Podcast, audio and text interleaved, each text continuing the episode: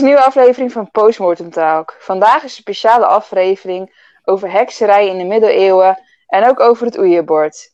We beginnen vandaag met Kim. Een Welkom, hele Kim. goede middag. Oh, nou ja, hoi. Een hele goede middag. Hey, Ik ga het vandaag hebben over heksen in de middeleeuwen. Nou, iedereen is wel een beetje bekend met de verhalen wat zich toen heeft afgespeeld. Dus het leek me wel eens leuk om het ook in de podcast naar voren te brengen. We doen het vandaag wel specifiek over de middeleeuwen en de heksen. Eh, een heks is eigenlijk in het volksgeloof iemand wat van, waarvan het meestal een vrouw is, waarvan men vermoedt dat ze over toverkrachten beschikt. Nou, is dat eigenlijk iets wat niet echt snel op die manier. Het is eigenlijk niet iets wat daadwerkelijk klopt. Eh, Een heks heeft eigenlijk geen toverkrachten. Het is eigenlijk gewoon een vrouw. Het is eigenlijk gewoon een vrouw die heel erg veel verstand heeft van kruiden. eh, En van paddenstoelen zal- en bessen. En als de mensen ziek waren, gingen ze naar haar toe. Het was natuurlijk ook een voetvrouw vroeger in die tijd. Wat je op een gegeven moment kreeg, waren de heksenvervolgingen. In de middeleeuwen waren de mensen heel erg bijgelovig. En ze dachten dat het de schuld was van de heks als er een ongeluk gebeurde. Vanaf ongeveer 1450 vonden de grootste heksenvervolgingen plaats in Europa. En deze duurde eigenlijk tot in de 18e eeuw. Heksen werden vroeger ook in onze streken vervolgd en kwamen op de brandstapel terecht. De verdachten waren meestal vrouwen, maar het waren ook wel eens mannen en zelfs kinderen, van wie gezegd werd dat ze heksen waren. En weet je door wie ze vervolgd werden? Door de katholieke Vert- kerk. De kerk eh, die heeft natuurlijk eigenlijk, die had natuurlijk best wel veel regels, eh, wat wel en niet mocht, ook betreft eh, het vreemdgaan en andere dingen. Maar ze hadden eigenlijk nog helemaal geen reglement betreft heksen. Dus ze zijn eigenlijk maar gewoon, omdat ze niet wisten wat ze ermee moesten doen, zijn ze eigenlijk maar hun eigen regels gaan instellen. En dus inderdaad vrouwen, mannen en kinderen gaan vervolgen. Nou, je hebt natuurlijk op een gegeven moment ook de heksenjagers gehad, die echt op pad gingen om heksen te zoeken en ze naar het gerecht te brengen.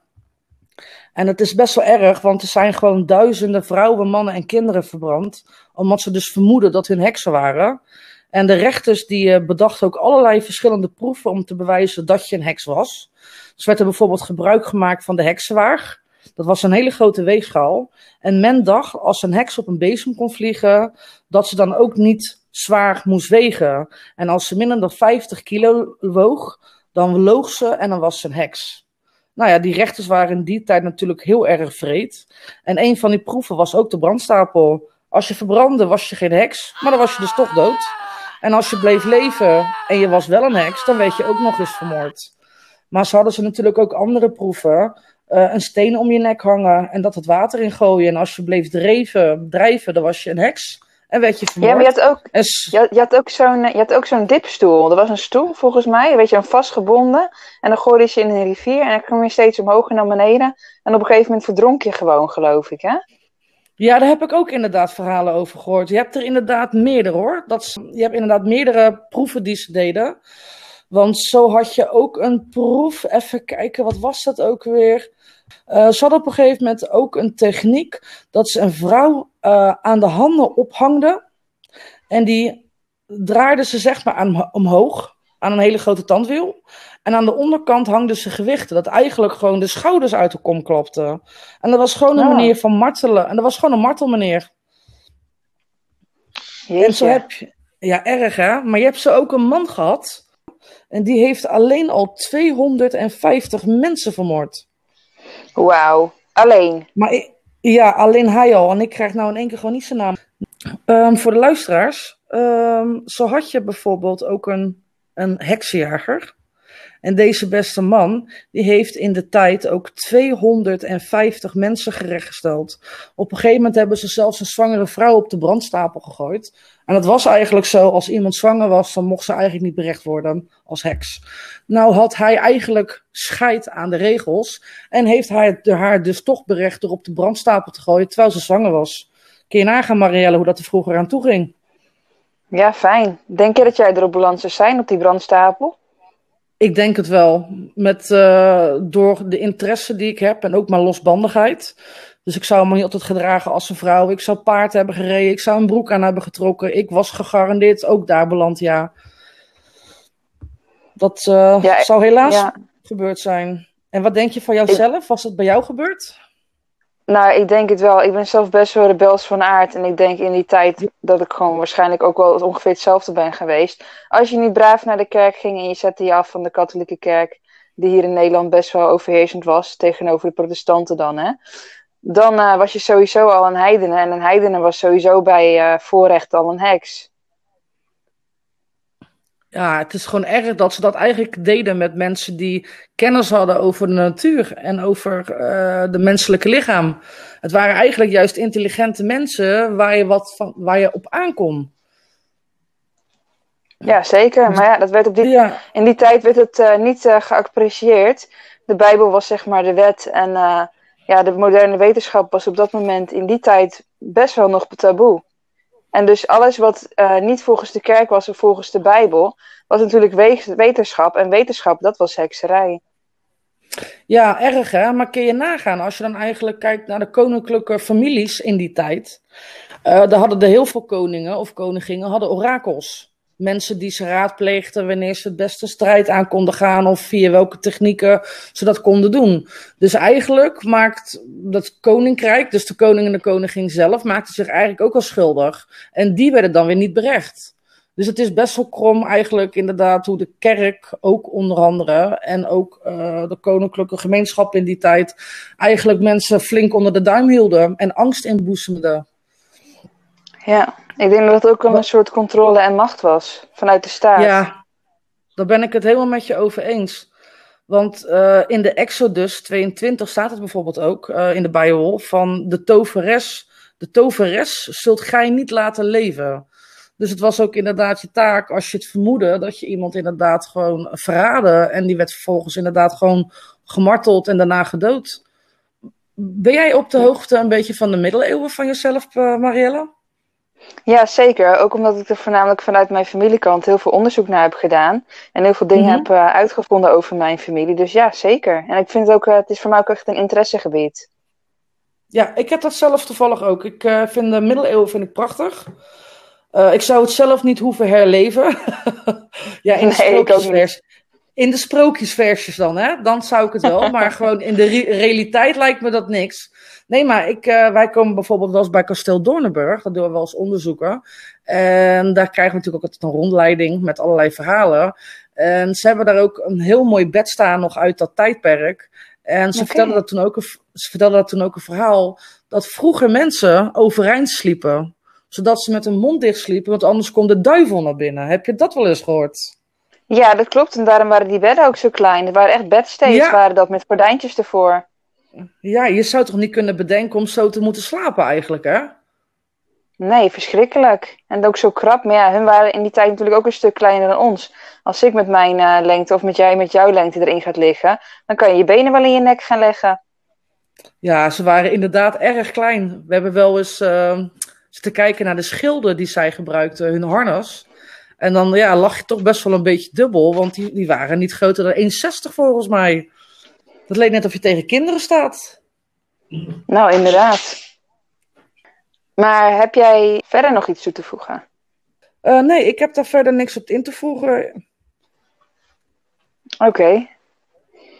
Op dit moment niet. Dames en heren, ik ga het vandaag hebben over het Oeja-bord. Oeja-bord is een heel geliefd onderwerp om over te praten. Dus ik kon het jullie niet misgunnen om het daar ook even over te hebben. Een oeierbord is bij wezen eigenlijk gewoon een speelbord waarmee contact wordt gezocht met geesten of entiteiten.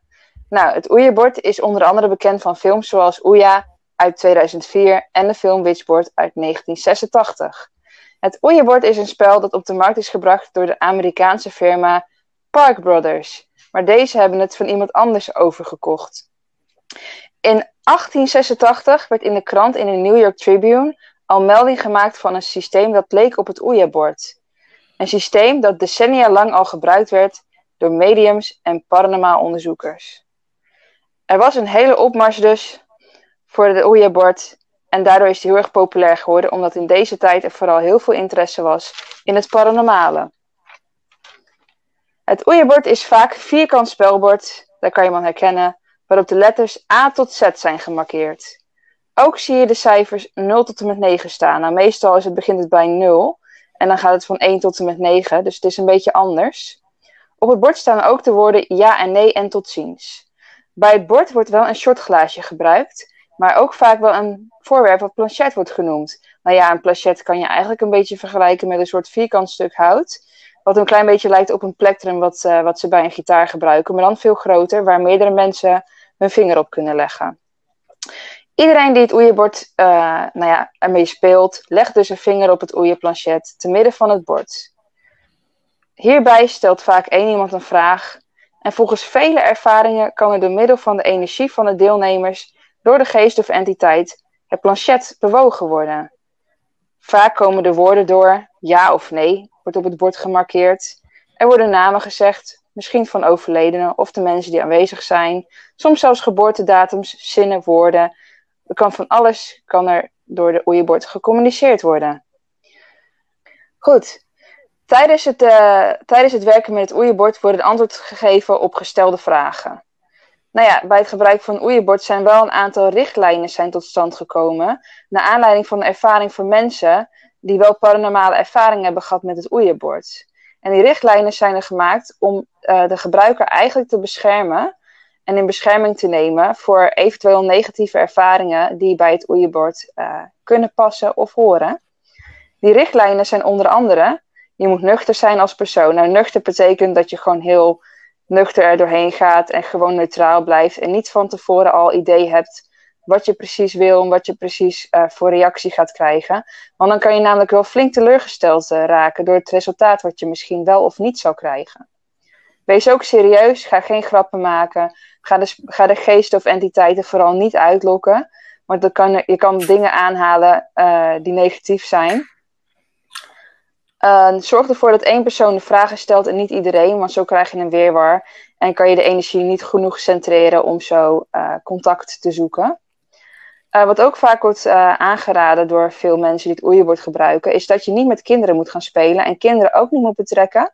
Omdat kinderen zijn natuurlijk, staan vaak wat meer opener dan wij volwassenen voor het paranormale. Ze zijn er heel erg receptief voor. Vaak hoor je voornamelijk ook paranormale ervaringen vanuit kinderen. En kinderen zijn ook vaak wel angstig. Dus vanuit daar wordt het niet geadviseerd om kinderen erbij te betrekken. Nou ja, zoals ik net al zei, provoceer niet, ga ze niet uitschelden. Ga niet vragen wanneer je dood bent gegaan. Ga geen gekke dingen doen. Uh, ga er niet om zitten lachen. Want als je mij gaat uitlachen of dingen tegen mij zegt die ik niet leuk vond, dan maak je mij ook boos. En zo'n identiteit of, uh, of geest of spook is daar niet anders onder. Die kan er ook heel erg negatief op reageren. Want die hebben natuurlijk net zoals wij emoties. Toch, Kim? Ja. ja, helemaal met je over eens. Inderdaad, het zijn nog steeds mensen. En je hebt natuurlijk altijd uitzonderingen ertussen zitten, wat zeg maar nooit geleefd heeft hier op aarde. Maar respect is wel iets waar je het vers mee komt, inderdaad. En eh, ja, wat je zelf ook zegt, uh, kinderen absoluut niet. Uh, het is nog steeds een middel die je gebruikt. Je bent, het is eigenlijk een tussentol. Je bent ook met jezelf bezig. Je zet jezelf ook open. Dus je kan inderdaad van alles binnenkrijgen. En ook zelf beïnvloed worden daardoor. Dus het is inderdaad vooral voor kinderen echt belangrijk dat ze zich daar nog niet mee bezighouden. Totdat ze, ja, ik zou zeggen, toch wel een leeftijd hebben van een jaar of 21. Misschien vrij oud, ja. maar 17, 18-jarigen. Sommigen zijn nog steeds heel erg jong in hun geest. En ik zou daar echt mee wachten tot ze wat ouder zijn. Heb jij zelf een Witcherboard ooit wel eens gebruikt, Marielle? Uh, ja, maar ik ga nog even verder, want ik heb nog een aantal dingen om toe te voegen. Oh, sorry. Dat maakt niet uit. Ik zal er zo meteen verder over gaan. Ik heb nog een aantal richtlijnen. Eén daarvan is ook, sluit de sessie altijd bij tot ziens. Want het is namelijk zo, op het moment dat jij een energie of een entiteit aanroept... of, of verwelkomt in je cirkel bij het uh, gebruiken van het oeierbord... dat die energie aanwezig blijft. Je moet er dus echt afscheid van nemen. Dus echt ook vanuit jezelf, niet alleen op het bord, maar ook vanuit je eigen gevoel afscheid van nemen. Want anders kan het zijn dat die energie of entiteit in de plek waar jij diegene heeft, hebt verwelkomd, blijft hangen. En dat is niet positief. En er kunnen hele negatieve ervaringen uitkomen. Dus zorg ervoor dat je altijd bij tot ziens echt afscheid neemt van degene waarmee je contact hebt. Er is één dingetje wat ook heel vaak tegenkomt bij het gebruik van het oeiebord. En ik zelf ook. Uh, is dat het kan gebeuren dat het oeiebord een beetje op hol slaat. Wat je daarbij ziet, is dat er onregelmatige bewegingen gebeuren op het bord. Dat het bijvoorbeeld gaat aftellen. Dat hij bepaalde motieven gaat herhalen, zoals het Infinity-logo. Uh, dat is zeg maar een 8, maar dan liggend. Dat het, dat het planchet in de ergste gevallen zelfs van het bord kan wegvliegen. Dat je ermee bezig bent dat hij er vanaf schiet. En dat het woord zo-zo gespeld kan worden. Nou, dat heb ik dus ook allemaal ervaren, die dingen. Dus vandaar dat ik die dingen ook meeneem. Ik heb niet alle punten heb ik, uh, bij deze nu verteld. Omdat ik daar zelf geen ervaring mee heb. Als ik er zelf ervaring mee heb, dan deel ik het met jullie. Om even terug te komen op de dingen die, uh, rare dingen die kunnen gebeuren. Uh, als het regelmatig gaat bewegen, bijvoorbeeld aftellen. Dan is het meestal niet altijd positief. Dat blijft erin hangen. Dan kan je beter gewoon meteen afsluiten. Want ik heb wel eens gehad dat er een glas van tafel viel. Of dat het licht begon te knipperen nou ja, dat soort dingen, daar zit je niet op te wachten. Je bent echt bezig om contact te zoeken of een vraag beantwoord te krijgen. Dus dat zou ik uh, gewoon helemaal beëindigen. Ook heb ik het zojuist om nog even te, uh, te, hebben over het wegvliegen. Nou ja, wat je daarmee kan zien is dat iedereen zijn vinger ophoudt. Dat het planchet van tafel vliegt of tegen de muur of tegen de kast. En er is nog een hele speciale, wat ik net ook al zei, Zozo.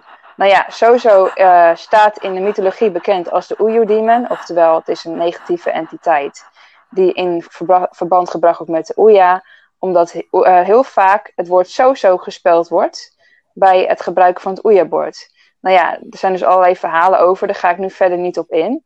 Maar daarmee wordt ook geadviseerd om het af te sluiten, aangezien het bord continu de naam zo-zo zal spellen. Vind jij het Oya-bord gevaarlijk, Kim? Ik vind het Ouija-bord zelf niet gevaarlijk. Ik vind dat de persoon die hem gebruikt gevaarlijker is. Dat is uh, misschien een beetje krom. Maar ik denk, en uit ervaring, uh, het is vaak ook de intentie waar je mee inderdaad uh, gebruik maakt van het bord. En ook je opstelling die je dat moment hebt. En daar kan ook al gewoon veel uit voorkomen. Dus als jij een normale instelling hebt en je bent op een normale manier bezig, dan zou een beachbord zeker niet gevaarlijk zijn. Het is wel tot even rekening houden dat je jezelf openstelt voor en dat er altijd wel iets op de loer kan hangen wat misschien niet zo positief is. Dat hebben wij in ons dagelijkse leven ook. Je kan ook niet altijd iedereen vertrouwen, maar over het algemeen, nee, vind ik het bord zelf heel erg onschuldig. Ja, ik denk dat het voornamelijk ook gaat over je eigen gemoedstoestand. Als je iemand hebt die emotionele problemen heeft, psychische problemen, snel angstig bent, er eigenlijk al bang ingaat, dan wil ik je bij deze ja. al afraden om het oeienbord niet te gebruiken. Want dan, krijg, dan trek je meestal ook de negatieve dingen aan, lijkt mij. Ja, mee eens. Ik heb het vroeger, ik heb vroeger ook wel eens glaasje gedraaid. Met, op de manier zoals een Ouija-bord natuurlijk uh, gemaakt is. Uh, ik heb dat toen de tijd gedaan en het bewoog nooit. En ik stond er zelf heel veel voor open. En het was ook in dat huis waar het bij ons zo heftig was. Ik heb dat eigenlijk toen gedaan, omdat ik op geen enkele manier communicatie kreeg. En ik wil eigenlijk spreken met een van die meerdere entiteiten. Waarom hij ons eigenlijk lastig viel, terwijl wij degene waren die hem niks gedaan hadden. En juist eerde en respect voor hem hadden. Maar het is inderdaad niet zo dat je altijd contact krijgt. Want ik heb, ze hebben bij mij nooit gebruik ervan gemaakt. Uh, wat ik dan wel weer heb gedaan, ik bedoel, pendelen ken jij waarschijnlijk ook wel. Pendelen ja. op een matje is ook gewoon een Ouija-board wat je hebt. Klopt. En, dat wordt, en men vergeet dat vaak. Dus voor de luisteraars die pendelen op een matje, uh, pendelen op een matje met cijfers en letters, is hetzelfde als een Ouija-bord. Dus hou daar gewoon rekening mee. Kijk het gewoon rustig aan. Reinig je spullen op tijd. En als je het niet vertrouwt, inderdaad, wat Peter of wat Marielle net al zei, als je het niet vertrouwt, sluit het gewoon af en probeer het op een later tijdstip weer. Ja. Sorry, ja. ik wou vragen aan jou van. Heb jij wel ooit eens gehoord van de planchetta? Dat is een voorloper van de Ouija-board. Nee, ik wist wel dat er een voorloper was, maar daar heb ik voor de rest nooit informatie over gevonden. Weet je wat dat is? Waarschijnlijk ken jij dat wel en de luisteraars kennen dat waarschijnlijk ook. De planchetta, dat is eigenlijk in Frankrijk ontstaan in 1850, dacht ik. Het was de voorloper van de Ouija-board. En het was eigenlijk gewoon een klein houtplankje waar uh, een pen op zat, of een potlood. En die potlood die ging dan op die manier woorden maken voor jou. Dus dat was eigenlijk wat je. Nou heb je de Ouija-board waar cijfers op stonden. En vroeger had je zeg maar alleen die pancetta. En er zat zeg maar een potlood bij. Die kon je erin klikken. En zodoende had je dan zeg maar ook op die manier contact met overledenen. Dan schreven ze voor je. Maar schreven ze dan door middel van dat jij die pen in je handen had? Of hoe ging dat? Uh, je hield eigenlijk uh, je vingers uh, hield je eigenlijk ook op het plankje. En uh, dat ging dan bewegen. En ziet maar, denk ik, ik denk, ik zelf heb ik het vermoeden, ik kan ernaast zitten, dat je het misschien een beetje kan vergelijken met uh, automatisch schrift. Alleen dan okay. met je hand op een bewegend plankje. En je deed dan je vinger op die planchetta. of je handen. En dan zou dat moeten gaan bewegen. En dan kreeg je dan woorden uit en zinnen. God, dat is wel heel apart. Ja, het, Ik het zou, klinkt inderdaad een beetje als automatisch schrift. Misschien was dat de voorloper daarvan. Ja, dat, zou, dat kunnen we misschien eens uitzoeken. Misschien dat het ook leuk is voor de luisteraars. Ja, maar misschien ook even handig om aan duidelijk te maken wat automatisch schrift precies is. Automatisch schrift is meestal, wordt meestal gebruikt door iemand die dan ook zeg maar een entiteit uitnodigt om te communiceren. Het enige wat je daarbij nodig hebt is gewoon een papier en een pen of iets dergelijks. En dan leg je je hand eigenlijk op het papier. Sommige mensen die maken dan cirkels of van die hele lange E-reeksen. En op een gegeven moment wordt het overgenomen en komen de zinnen of woorden te staan. Ja. Ik heb, heb je dat zelf al eens gedaan? Automatisch schrift? Ik heb het wel eens een keer gedaan, maar eh, ja, moet ik zeggen. Ik, ik had er niet echt een eh, heel serieus gevoel bij of zo. Je krijgt, er komen allemaal meestal dingen die je gewoon niet goed kan lezen. Het, het was gewoon een beetje een rommeltje. Ja, ik kreeg ook alleen maar krullen. Krullen, krullen, krullen, krullen, krullen. Dat was eh, helaas jammer. Het kost heel veel papier. het is zonde voor de bomen. Ja, inderdaad. Kon dat maar via een Als je- computer? Als je, als je al een, ja, inderdaad, als je al een woordje hebt, dan eh, ben je waarschijnlijk gewoon een heel schrift verder.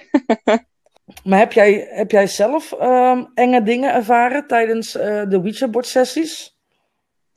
Nou, een van de dingen waar me wel is bijgebleven is toen met mijn vriendin. Eh, wij maakten zelf onze eigen Ouija-borden. Ja? En eh, dat, nou ja, weet je, want het was namelijk zo. Wij hadden gewoon altijd het gevoel dat als wij een Ouija-board hadden en we gebruikten hem later weer, dat altijd dezelfde personen terugkwamen. En dat vonden wij irritant. Dus wat wij deden, wij zorgden ervoor dat we er vanaf kwamen. En dan maakten we gewoon weer een nieuw Ouija-board. Nou, in dit geval had ik dus, nou ja, wat ik net zei, wel eens een keer zo-zo gehad. Nou ja, sowieso de Ouija-demon noemen ze hem. Dat was heel grappig, want wij hadden dus een documentaire gekeken over zo-zo. En dus wij gingen daarna dat Ouija-board pakken. En wat denk je wat er doorkwam? Zo-zo. Ik kwam alleen maar zo-zo. Maar we dachten van, ach ja, dat zou toevallig zijn. Misschien hou ik haar voor de gek of zij mij. We zaten elkaar een beetje lacherig aan te kijken. Toen hebben we dus een opnameapparaat hebben we toen gebruikt. In het huis. En toen kregen we elke keer op de opname zo-zo. Dat iemand dat zei. En wij zeiden allebei Ja, niks. joh. Dus dat was heel apart. Toch ja. wel raar, hè? Dat die zo-zo zoveel naar voren komt op Ouija-borden. Ja, daarom noemen ze hem ook de Ouija board demon. Maar ja, of het nou slecht is of goed, dat is eh, voor iedereen zelf in te vullen. Zou dat niet ondertussen gewoon een energie zijn wat ondertussen de overhand hebt gekregen doordat het al in de volksmond zo erg groot is geworden? Want volgens mij stelt die type demon eigenlijk in eerste instantie niet zo heel erg veel voor. Nee, dat denk ik zelf ook. Eh, het is vaak ook zo als heel veel mensen ergens een betekenis aan geven, vooral folklore en mythologie zie je dat terug. Dat je bepaalde dingen wel ergens in terug ziet. Eigenlijk creëer je het gewoon, gewoon met je eigen energie. Ja, daar hebben ze ook een woord voor, hè? Dat weet ik even nog niet meer uit mijn hoofd, maar er is een woord voor. Dat gaat al door de geschiedenis heen.